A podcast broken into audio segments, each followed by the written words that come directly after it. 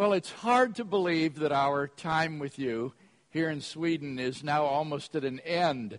Uh, it's with a, a sense of um, sorrow that we know that now we're going to be uh, leaving here and, uh, and going on to our next stop on our Nordic speaking tour, which is Norway. And we'll certainly carry with us the memories of the wonderful conversations that we've had so with so many of you here during this brief conference. So, Jan and I just want to give a heartfelt thank you for allowing us to be with you and for the encouragement that we see of the movement that God is raising up here in Sweden to have a, a passionate, burning heart for Christ combined with a rigorous uh, intellectual engagement with Christian faith. So we are greatly encouraged by what we've seen this weekend. Tonight I've been asked to discuss the challenge of the new atheism to uh, the existence of God. And fortunately, this lecture builds very nicely on the lectures earlier uh, this afternoon and this morning, which will considerably shorten it, I think, and allow more time for question and answer afterwards. I was fascinated to read the reactions in the blogosphere to my cover story in Christianity Today on the revival of arguments for the existence of God among philosophers today. Along with uh, expressions of appreciation, there were comments like these quote, Dawkins, the God delusion, soundly deals with these arguments. Did you even do any research? Or this one Have you even read Dawkins' book? He answers every one of those arguments quite well. Or again, I was dismayed that someone as well known as Dr. Craig has used these arguments to defend the existence of God. As someone mentioned before, has he even read Dawkins' book? Now, on the one hand, it's not surprising that non believers would turn to Richard Dawkins for refutations of arguments for God's existence, because none of the other new atheist writers has much to say at all on the subject. Still, what's remarkable about these comments, I think, is the degree of confidence which is placed in Richard Dawkins' supposed refutation of the arguments. Are they right? Has Richard Dawkins dealt the death blow to these theistic arguments? Well, let's look this evening at each of these arguments and see what Dawkins has to say about each one. Let's begin with the cosmological argument. In my article in Christianity Today, the first uh, argument that I discussed was a form of the cosmological argument known as the argument from contingency.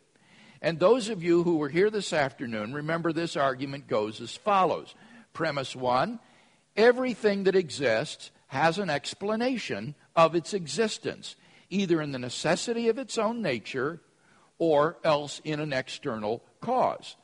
Two, if the universe has an explanation of its existence, that explanation is a transcendent personal cause. Three, the universe exists, from which it follows, therefore, the explanation of the existence of the universe is a transcendent personal cause. So the argument from contingency, if successful, gives us the existence of a metaphysically necessary, transcendent, personal creator of the universe. Now, what does Richard Dawkins have to say about this form of the cosmological argument? Nothing. That's right. He has absolutely nothing to say about the contingency argument. This is an astonishing oversight because this is the most popular and influential form of the cosmological argument, historically and on the contemporary scene. So, obviously, he hasn't refuted this argument, at least. And therefore, it's difficult to understand how atheists can think that Richard Dawkins has refuted all the arguments for the existence of God. He hasn't even discussed them all. Fortunately, however, Dawkins does discuss a different version of the cosmological argument, which, if my PowerPoint slide will work, uh, I will bring up. But if it does not work, I, it will not be brought up. So we, oh, oh wait, there it is. the so-called Kalam cosmological argument, and you remember we discussed this this afternoon as well. One, everything that begins to exist has a cause. Two, the universe began to exist, and therefore, three, the universe has a cause. And you'll recall that we discussed uh, three arguments in favor of premise one, and then we looked at philosophical arguments and empirical confirmation for premise two. And uh, there we are. This is a geometrical representation of standard model space-time according to the Big Bang Theory. And you can see that space and time and all its contents, all matter and energy, begin to exist at the initial cosmological singularity. Uh, and we saw that the Borde-Guth-Vilenkin theorem establishes that any universe in a state of cosmic expansion over its history, on average, cannot be eternal in the past but must have a past space time boundary, even if it is not a singularity uh, as the form of the boundary. And it follows from the premises of the Kalam cosmological argument that the uh, universe therefore has a cause. We then deduced some of the properties that a transcendent cause of the universe must have and we were able to conclude that there exists a personal creator of the universe who is uncaused, beginningless, changeless, immaterial, timeless, spaceless, and enormously powerful. Now, Dawkins does, as I say, address this form of the cosmological argument. Remarkably, however, he doesn't dispute either premise of the argument. Instead, he questions the theological significance of the argument's conclusion. He says, and I quote, even if we allow the dubious luxury of arbitrarily conjuring up a terminator to an infinite regress and giving it a name, there is absolutely no reason to endow that terminator with any of the properties normally ascribed to God omnipotence, omniscience, goodness, creativity of design, to say nothing of such human attributes as listening to prayers, forgiving sins, and reading innermost thoughts. End quote. Now, this is an amazingly concessionary statement. Dawkins doesn't dispute that the argument proves the existence of an uncaused, beginningless, changeless, immaterial, timeless, spaceless, and unimaginably powerful personal creator of the universe. He merely complains that this cause hasn't been shown to be omnipotent, omniscient, good, creative of a design, listening to prayers, forgiving sins, and reading innermost thoughts. To which the proponent of the Kalam cosmological argument will say, so what? The argument wasn't intended to prove those things. In fact, it would be a bizarre form of atheism, an atheism not worth the name, that admitted that there exists an uncaused, beginningless, changeless, immaterial, timeless, spaceless, and unimaginably powerful personal creator of the universe who may, for all we know, also possess all the properties listed by Dawkins. Now, we needn't call the personal creator of the universe God if Dawkins finds this unhelpful or, or misleading. But the point remains that such a being, as I just described, must exist. And Dawkins doesn't dispute any of the premises of the argument. And therefore, the Kalam cosmological argument seems to me to be a complete success. The moral argument. We reviewed this afternoon a simple moral argument for God's existence, and you recall it went like this If God does not exist, then objective moral values and duties do not exist. But two, objective moral values and duties do exist, therefore, God exists. Now, what makes this uh, little argument so powerful is that it is not only logically ironclad, but that people generally believe both premises. In fact, Dawkins himself seems to be committed to both premises. With respect to premise one, Dawkins informs us, and I quote, there is at bottom no design, no purpose, no evil, no good, nothing but pitiless indifference. We are machines for propagating DNA. It is every living object's sole reason for being. End quote. But although he says there is no evil, no good, nothing but pitiless indifference, the fact is that Richard Dawkins is a stubborn moralist. For example, he vigorously condemns such actions as the harassment and abuse of homosexuals, the religious indoctrination of children, the Incan practice of human sacrifice, and prizing cultural diversity over the interests of Amish children. He even goes so far as to offer his own Ten Commandments for guiding moral behavior all the time marvelously oblivious to the contradiction with his own ethical subjectivism. Now, in his survey of arguments for God's existence, Dawkins touches on a sort of moral argument, which he calls the argument from degree. But it bears little resemblance to the argument presented here.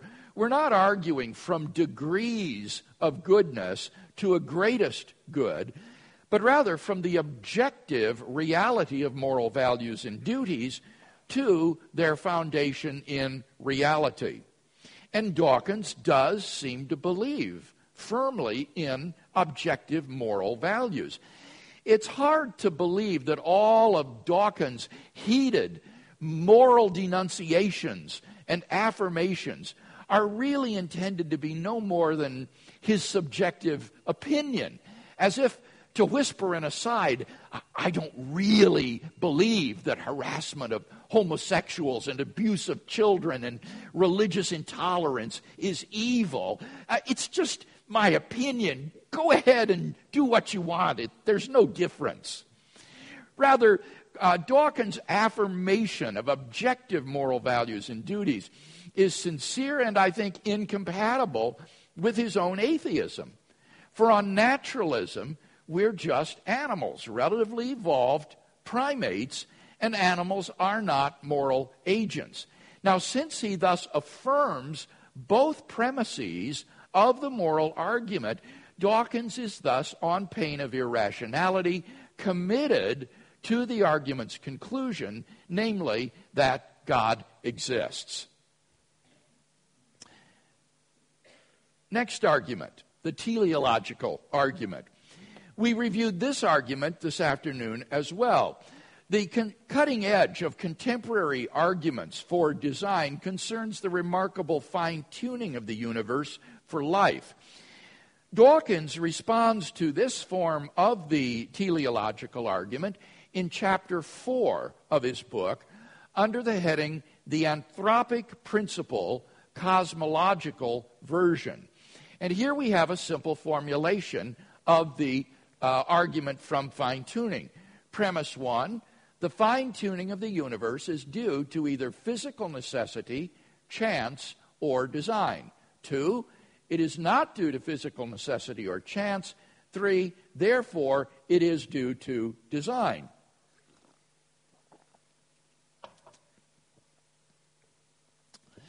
Now, um, with respect to this argument, uh, Dawkins agrees uh, with the alternatives that are presented here, the three alternatives. And the question is which of the three alternatives is the most plausible? Now, uh, Dawkins appears to agree uh, that the hypothesis of physical necessity is implausible. He says that he agrees with Sir Martin Rees that uh, this alternative is implausible. He says, I agree with Rees that physical necessity will not explain the fine tuning. So, what about the alternative of chance? You'll recall that according to the uh, alternative of chance, there exists a sort of world ensemble of parallel universes, which are randomly ordered in their constants and quantities, so that by chance alone, a finely tuned universe like ours will appear somewhere in the ensemble. And this is the explanation that Richard Dawkins finds most plausible the world ensemble hypothesis. Now, Dawkins is acutely sensitive to the charge that postulating a world ensemble of randomly ordered universes appears to be what he calls an unparsimonious extravagance. But, he retorts, the multiverse may seem extravagant in sheer number of universes, but if each one of those universes is simple in its fundamental laws, we are still not postulating anything highly improbable. Now, this response seems to me to be just confused on uh, uh, multiple layers. First, each universe in the ensemble is not simple. Rather, each is characterized by a multiplicity of constants and quantities.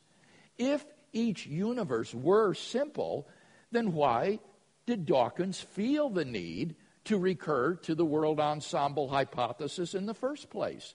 So they're not simple. Secondly, Dawkins assumes that the simplicity of the whole is a function of the simplicity of the parts. If the parts are simple, then the whole is simple. But this is an obvious mistake. Think of a complex mosaic, like a mosaic of a Roman face. In a complex mosaic, you have a complex pattern which is composed of a great number of individually simple parts. And in exactly the same way, an ensemble of simple universes could still be complex if those universes are randomly ordered in the values of their fundamental constants and quantities, rather than simply all sharing the same values. So it is not true that the simplicity of the whole is just a function of the simplicity of the parts. Thirdly, Occam's razor tells us not to multiply causes beyond necessity. You're only justified in postulating such causes as are necessary to explain the effect. And in this case, the number of universes being postulated simply to explain the fine tuning is, at face value, extravagant. Appealing to a world ensemble of randomly ordered universes is, uh, in order to explain fine tuning, is, is rather like using a sledgehammer to crack open a peanut. Fourthly, Dawkins tries to minimize the extravagance of the postulate of a world ensemble by claiming that despite the extravagant number of entities being postulated, still, such a postulate is not highly improbable. Now, I must confess that it's not clear why this is relevant or, or even what this means. The objection that we're talking about here is not that the postulate of a world ensemble is improbable. Rather, the objection is that it's extravagant and unparsimonious. To say that the postulate isn't also highly improbable is just to fail to address the objection that it's extravagant and unparsimonious. Indeed, I think it's hard to understand exactly what probability Dawkins is talking about here. When he says that the postulate of a world ensemble is not highly improbable, he seems to mean the intrinsic uh, probability of the postulate of a world ensemble, considered apart from any evidence of fine tuning. But then, how is such a probability to be determined? By simplicity? But then Dawkins hasn't shown the world ensemble hypothesis to be simple. So it seems to me that Dawkins has simply failed to turn back the objection that his postulation of a randomly ordered world ensemble of universes is, in fact, an unparsimonious extravagance. But as we saw this afternoon, there are even more formidable objections to the postulate of a world ensemble, which Dawkins doesn't even discuss. He's apparently unaware of these objections. You'll remember I mentioned two of them. First, that there's absolutely no evidence that such a world ensemble of randomly ordered universes exists. And secondly, you'll remember I argued that if we were just a member of a world ensemble, randomly ordered, then it is highly, highly probable that we would be observing a much different universe than the one we in fact observe. And thus, our observations highly disconfirm the world ensemble hypothesis. And Dawkins doesn't even discuss these objections, he's apparently unaware of them. So, the fine tuning of the universe, I think, is plausibly not due to physical necessity or to chance.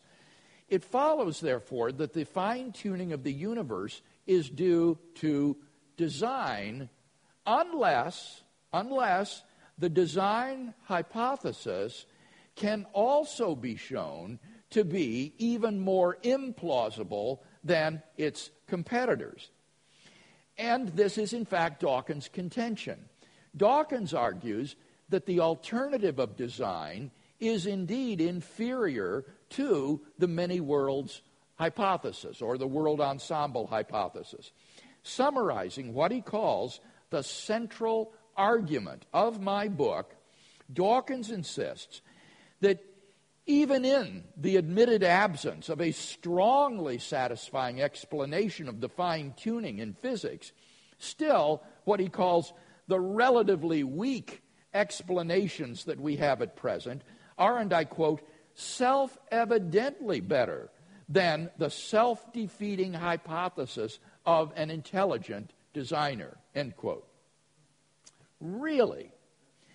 What is this uh, powerful objection to the design hypothesis, which renders it self evidently inferior to the admittedly weak world ensemble hypothesis? Well, here it is.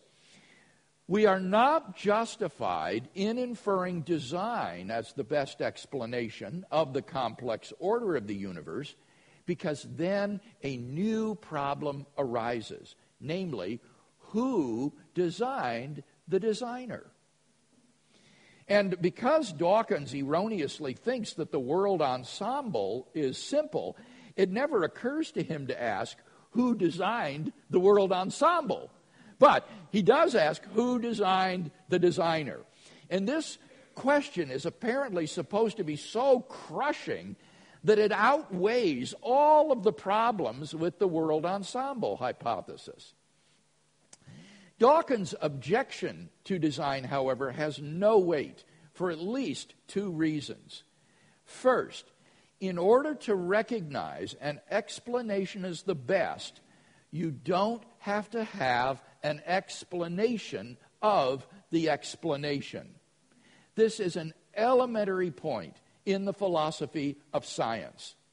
For example, if archaeologists digging in the earth were to come across objects uh, looking like pottery shards and arrowheads, they would be justified in inferring that these artifacts were not the chance result of sedimentation and metamorphosis, but rather were the products of some unknown, intelligent designers, even if they had no idea who these people were or where they came from. Or similarly, if astronauts were to come upon a pile of machinery on the dark side of the moon, which they knew had not been put there by the Americans or the Soviets, they would be justified in inferring that these were the product of extraterrestrial intelligent agents, even if they had no explanation whatsoever who these agents were or how these machines got there. In order to recognize an explanation as the best, you don't need to have an explanation of the explanation. In fact, if you think about it, such a requirement would lead to an infinite regress of explanations so that nothing could ever be explained and science would be destroyed. For before any explanation would be acceptable, you'd first have to have an explanation of the explanation. But before you could accept that, you'd need an explanation of the explanation of the explanation. And before that you could be accepted, you need an explanation of the explanation of the explanation of the explanation, and so on to infinity. And thus, nothing could ever be explained, and science would be completely impossible. So, in the case at hand, in order to recognize that design is the best explanation of the fine tuning of the universe, you don't need to be able to explain the designer. Whether the designer has an explanation can simply be left as an open question for future inquiry. Secondly, second point, Dawkins thinks that in the case of a divine designer of the universe, if the designer is God, then the designer is just as complex as the thing to be explained, so that no explanatory advance is made. Now, this objection raises all sorts of questions about the role played by simplicity in assessing competing explanations. For example, there are many other factors besides simplicity which scientists weigh in determining which explanation is the best, such as explanatory power, explanatory scope, plausibility, and so forth.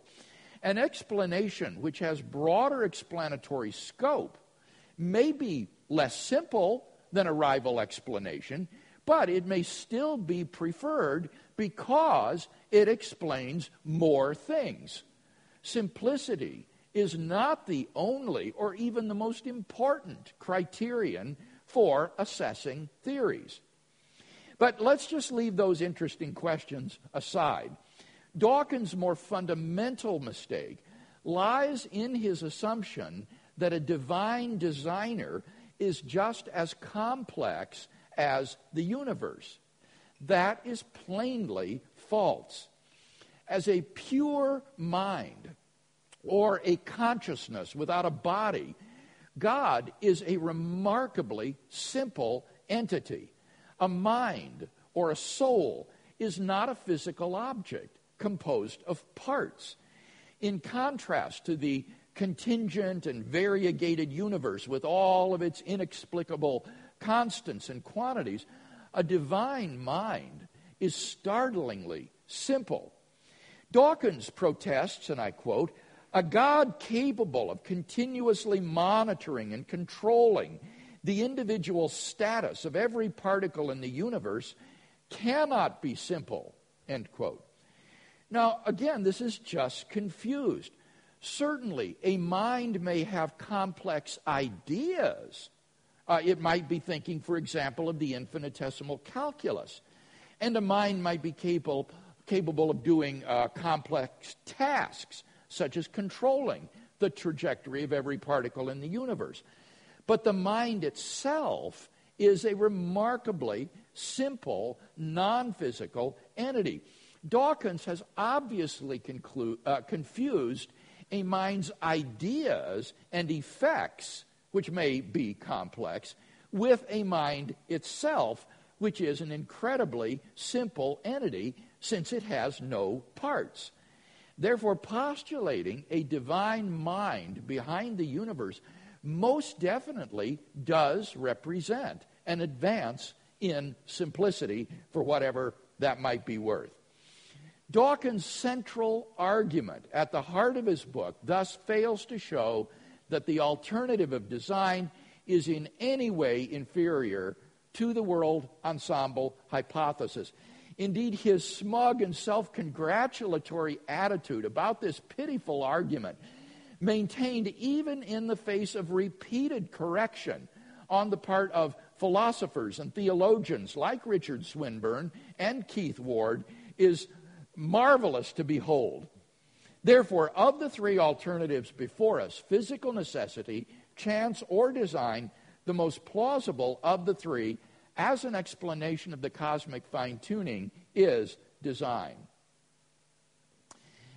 That brings us to the next argument to be discussed by Dawkins, and the last that I mentioned in my survey, the famous ontological argument. And the version that I presented uh, this afternoon comes from Alvin Plantinga. And it goes like this It's possible that a maximally great being exists.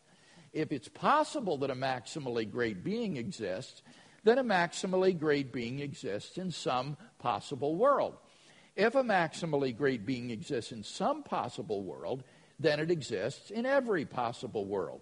If a maximally great being exists in every possible world, then it exists in the actual world.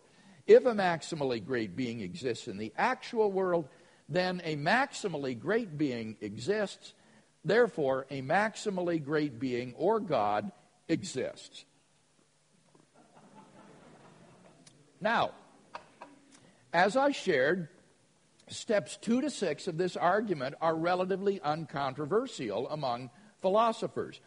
Uh, most philosophers would agree that if God's existence is even possible, then God must exist. The principal issue to be settled with respect to Plantinga's argument is premise one. What warrant exists for thinking that it is possible that a maximally great being exists is true? Well, the idea of a maximally great being is intuitively a coherent idea, and so it seems plausible that such a being could exist. In order for the ontological argument to fail, the concept of a maximally great being must be incoherent, like the concept of a married bachelor. But the problem is that the concept of a maximally great being doesn't even seem remotely incoherent. It seems to be a perfectly coherent notion that there could be a being which has uh, the properties of maximal greatness. And this provides, I think, uh, some prima facie warrant, at least, for thinking that it is possible that a maximally great being exists. Dawkins devotes six full pages brimming with ridicule and invective to the ontological argument without raising any serious objection to Plantinga's argument. He notes in passing Immanuel Kant's uh, objection that existence is not a perfection. But since Plantinga's argument doesn't presuppose that it is, um, we can re- leave that irrelevance aside. Dawkins reiterates a parody of the argument designed to show that God does not exist because a God who created everything while not existing himself is greater than a being who exists and created everything. Ironically, however, this parody of the argument, far from undermining it, actually reinforces it. For a being which creates everything while not itself existing is a logical incoherence and therefore impossible. There is no possible world which includes a non existent being which creates the world. Now, if the atheist is to maintain, as he must, that God's existence is impossible, then the concept of God would have to be like that. It would have to be a similarly incoherent concept. But it's not. And that supports the plausibility of premise one. Dawkins also chortles. I- have forgotten the details, But I once piqued a gathering of theologians and philosophers by adapting the ontological argument to prove that pigs can fly. They felt the need to resort to modal logic to prove that I was wrong. Now, this is just embarrassing. The ontological argument just is an exercise in modal logic. That is to say, the logic of the possible and the necessary. So that Dawkins illustrates here that he simply doesn't understand what he's talking about. Well, that uh, completes my survey of the argument. I'm sure that you yourselves could think of substantive objections to the arguments that I've presented here. But I at least hope to have shown that the arguments raised by Richard Dawkins, who is representative of the new atheism, that these objections to the arguments are not even injurious, much less deadly. Thank you.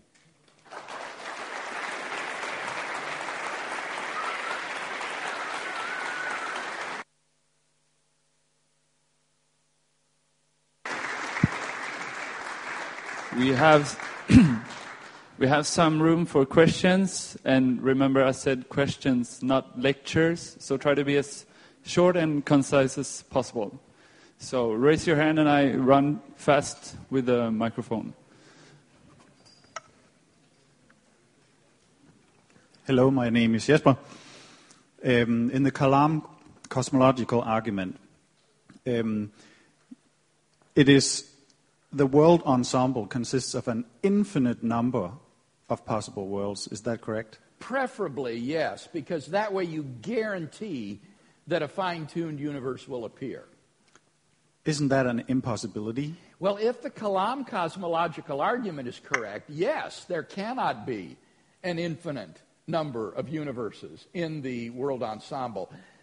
But when I give these arguments, I try to make them as independent of one another as I can because I don't want one argument to depend upon the soundness of another argument. I want each argument to stand on its own two feet. So you'll notice, with respect to the hypothesis of a world ensemble of an infinite number of randomly ordered universes, I didn't raise any objection to the infinity of the ensemble. And that's simply because I want each argument to stand on its own and be independent. Good question. Uh, my question was you have presented during this week in like seven arguments.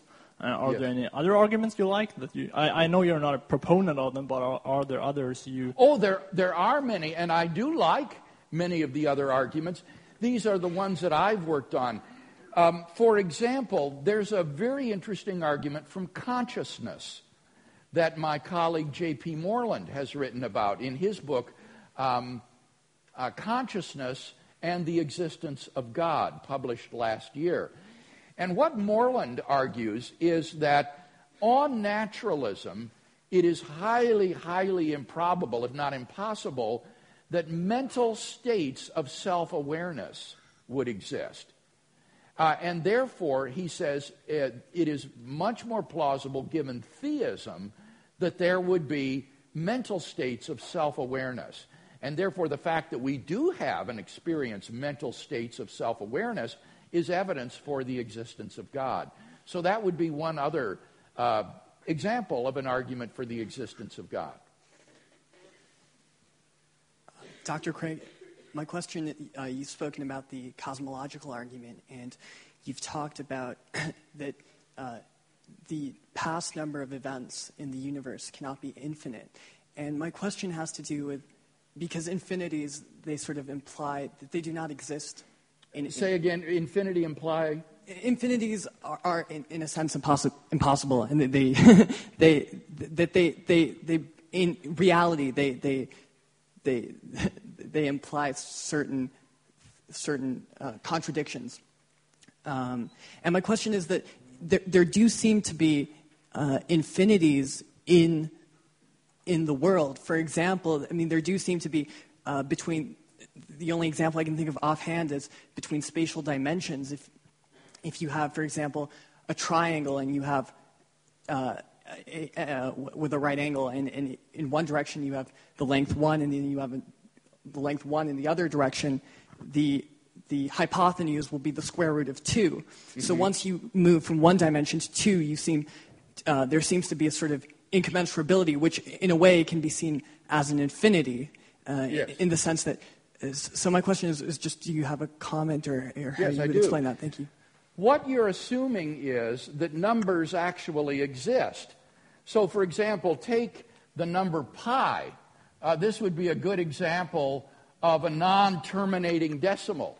And you would say, well, isn't there an infinite number of numbers in pi?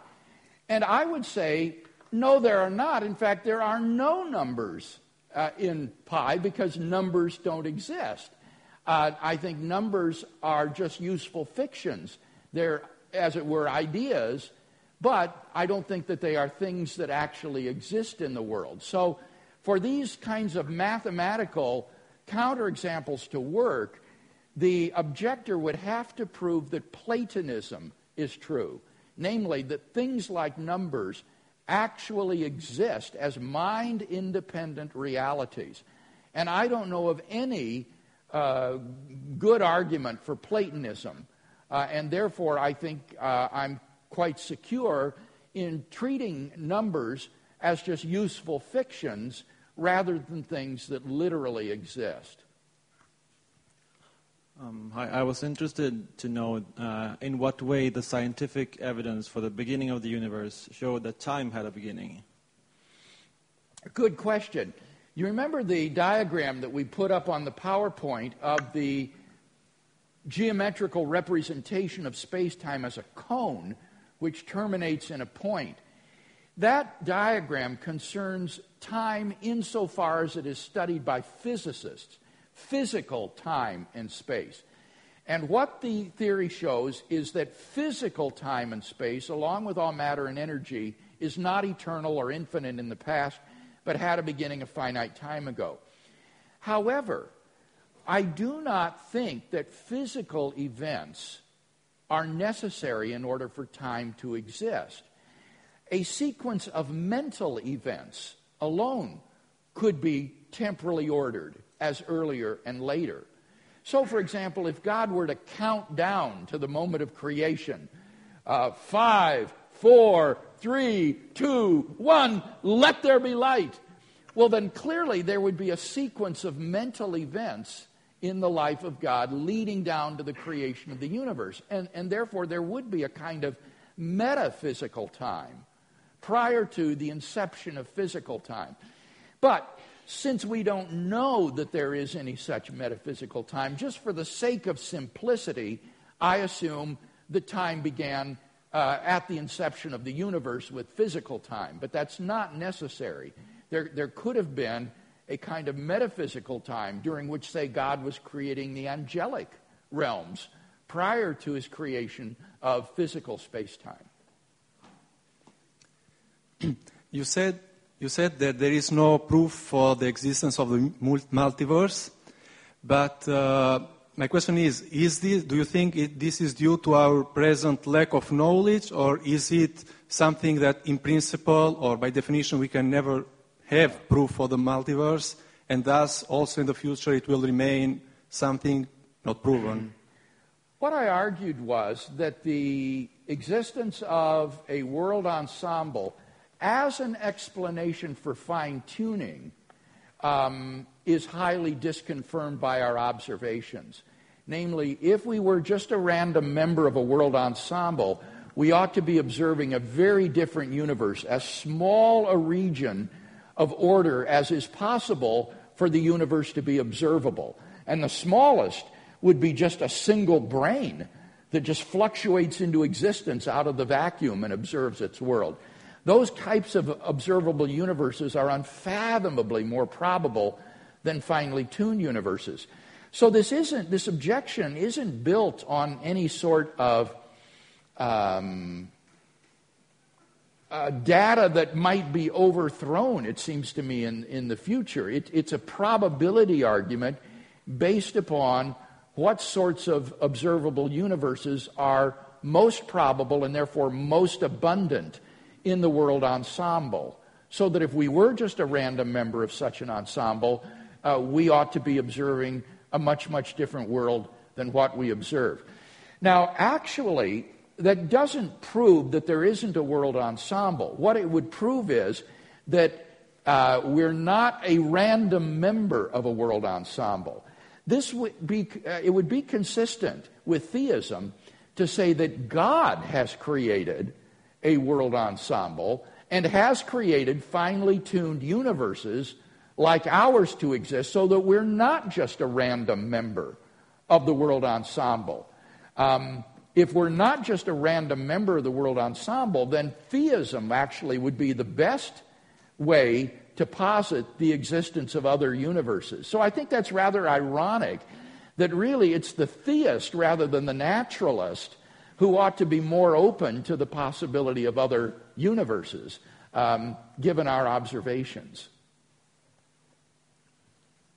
Well, yes, um, I had a hard time. You probably touched it this morning, but I had a hard time to wrap around my mind around this uh, third premise of the ontological argument uh, that if Can you God, bring that up, Stefan? Uh, yeah, that if God exists in one possible world, He exists in all possible worlds, and this possible world, I'm not sure if I understood it correctly, but it's just a uh, thinkable logically coherent world. The premises two through five are virtually true by definition. A maximally great being is defined as a being which is omnipotent, omniscient, and morally perfect in every possible world. So, if it exists in one, it exists in all of them. That's what it means to be maximally great, right? To be omnipotent, omniscient, morally perfect in every possible world. So, three just follows by definition of what maximal greatness is. The real question is one is there any possible world in which a maximally great being exists? Is this a coherent concept? Some other question? Yeah. Yeah, and, and that's you, you asked my question for me. Uh, uh, I'm wondering what this notion of a maximally great being could be and whether or not we could understand it. Right. Were uh, you not here this afternoon? Um, yeah, yeah, yeah, I was, but I, I, I, I, guess I have a short memory. All so, right. so, so m- my right, question is phrased, phrased another way. What direct evidence do we have for a being uh, that is very simple, non physical, and there are no parts. I think you're confusing different arguments. This, this argument doesn't have anything to do with whether there is a simple being that has no parts. This argument is based upon the concept of a being which is omnipotent, omniscient, and morally perfect in every possible world. And it says if that concept is uh, coherent. If it's possible, then it follows that such a being exists in every possible world and therefore in this world. So it, it would be inappropriate to go out and look for evidence of such a being because this is an argument from the mere possibility of such a being to its actuality. So the question is is such a being possible? Because if it is, then this is an argument that proves that it actually exists. Where does the possibility come from? I'm not. The question was, where does the possibility come from? I'm not sure what you mean by that question. I mean, as a theist, I think all possibilities are grounded in God. But uh, one, one couldn't assume that at this point because that would then beg the question so one, simp- one doesn't ask, where do possibilities come from? I- am not even sure what that means in this context. Well, it means that you would answer affirmatively to the first premise. I mean, you, you would, I mean, in order to accept the first premise, there would have to be some reason to accept it, correct? Yes, that's right. We, we need to ask what warrant or reason is there to believe the first premise? And one reason would be that the concept of a being, which is omnipotent, omniscient, and morally perfect in every possible world, is a logically coherent concept. It's not like a married bachelor or a being which creates the world while not itself existing, uh, or the concept of a round triangle. This is a coherent concept logically, and that suggests that it's possible. So it's based upon um, logic and, and what seems to be logically coherent. Another question. Well, uh, I have a question regarding your previous lecture on free will and, and, the sovereignty of God. And I was first wondering if I understood correctly. You mentioned that God has a plan of that he wants to perform, and he it seemed to me that you said that he chooses to create a world where creatures would freely act in accordance with that plan. Yes. Is that correct? Yes. Then I wonder where where does the freedom uh, where is the freedom in a sense or what does it mean in that world mm-hmm. to be free? Is mm-hmm. it that in another possible universe the same circumstances could occur but they would make other acts. Or right. you would no, act I in wouldn't another answer way. in that way. No, so Rather, what I would say is that in those very circumstances in which you find yourself, you are not causally determined how you're going to act. You are free to decide. It is up to you how you will act.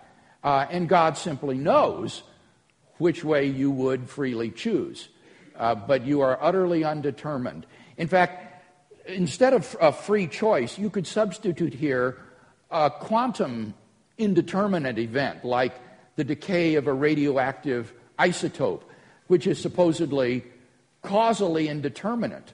There, there, just, there just isn't anything in the circumstances that causally determines when it would occur. And yet God would know when it would decay.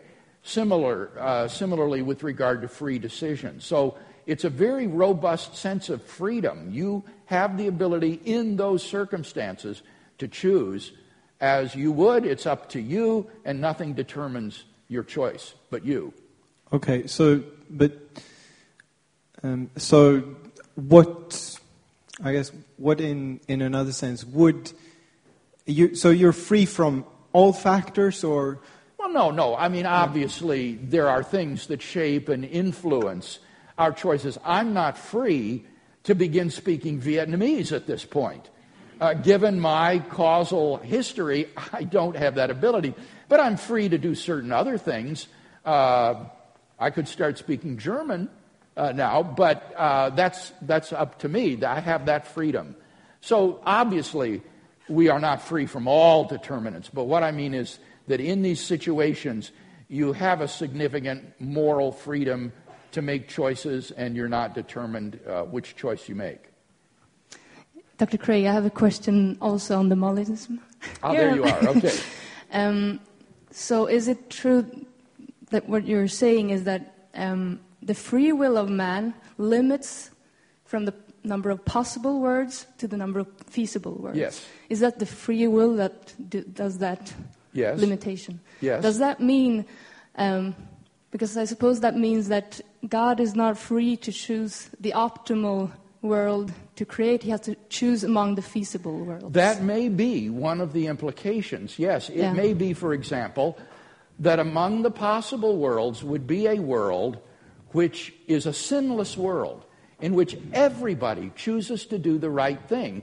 That's logically possible, right? But it might not be feasible for Mm-hmm. God. Given the way people actually would choose, it might be that that kind of ideal world isn't feasible for God. Does Uh, that and- mean that our free will limits God to which people he can sell, save? what it, it, it means is that there are certain worlds that are not available to him to actualize. But notice that this does not posit any non logical limit on God's omnipotence. Omnipotence is not defined as the ability to do the logically impossible. Um, but it is logically impossible to make someone freely do something. That's as logically impossible as making a round square. So, in saying that God doesn't have the ability to actualize certain of these worlds, we're not positing any non logical limit on God's power. He's still omnipotent, but he cannot do logical impossibilities, like make Peter freely affirm Christ three times in precisely those circumstances in which he would freely deny him three times. Uh, in regard to the ontological argument, I'm wondering since the you know like the first premise is the controversial one, yes, as you said, what would be then like not Richard Dawkins, but like another uh, philosopher, atheist philosopher, what would they uh, object to this idea? You know, in order to defeat the well, argument. Well, I think what they would say is that we don't have any reliable modal intuitions about whether or not a maximally great being is possible. And therefore, we have to just be agnostic about premise one. Uh, this is the last question, so unfortunately. Yes, Dr. Craig. Um, my question is also about the ontological argument. Uh, um, and if you say that uh, a maximally great being is coherent, uh, does it, is it impossible to say it is possible that a maximally great being does not exist in some possible world? All right? You could run an ontological disproof of God's existence by saying uh, it is possible that a maximally great being does not exist. And if that is possibly true, then it would follow that a maximally great being does not exist. So you're absolutely right. And therefore, you have to decide with respect to premise one do you think that it is possible that a maximally great being exists? Is this a coherent concept? Or is it impossible that a maximally great being exists? It cannot be contingent. The point is, it's either necessary or it's impossible. Uh, and so one would simply have to uh, weigh your um, concept of a maximally great being and, and ask yourself does this seem like a possible concept or not? If you think that it is, then you'll agree with the argument that therefore God exists. Now, as I say, in my published works, such as Reasonable Faith uh, and uh, On Guard, I survey and discuss these arguments in great detail and go into much more uh, depth concerning possible objections that might be raised to them. So if this has tickled your uh, interest at all, I would really commend to you uh, some of this reading to get into these arguments, find which ones you find convincing, uh, memorize the premises, and then be prepared to share with them, uh, share them with unbelievers uh, with whom you come into conversation. I found in doing evangelism on university campuses that uh, some of these arguments can be tremendously effective in helping to bring people to think about uh, the existence of God. Most atheists have been taught simply to repeat the slogan, there's no evidence that God exists. And if somebody says that to you, it's so wonderful to be able to look at them and stare at them with wide eyes and open mouth and say, Is that what you believe? Well, I can think of at least five arguments for God's existence. And at that point, they've got to ask you, Well, like what? And then boom, you're off and running. so I would encourage you master these arguments if you find them persuasive and be prepared to share them with unbelievers. And I think you'll find great fruitfulness in your evangelism as a result. Thank you.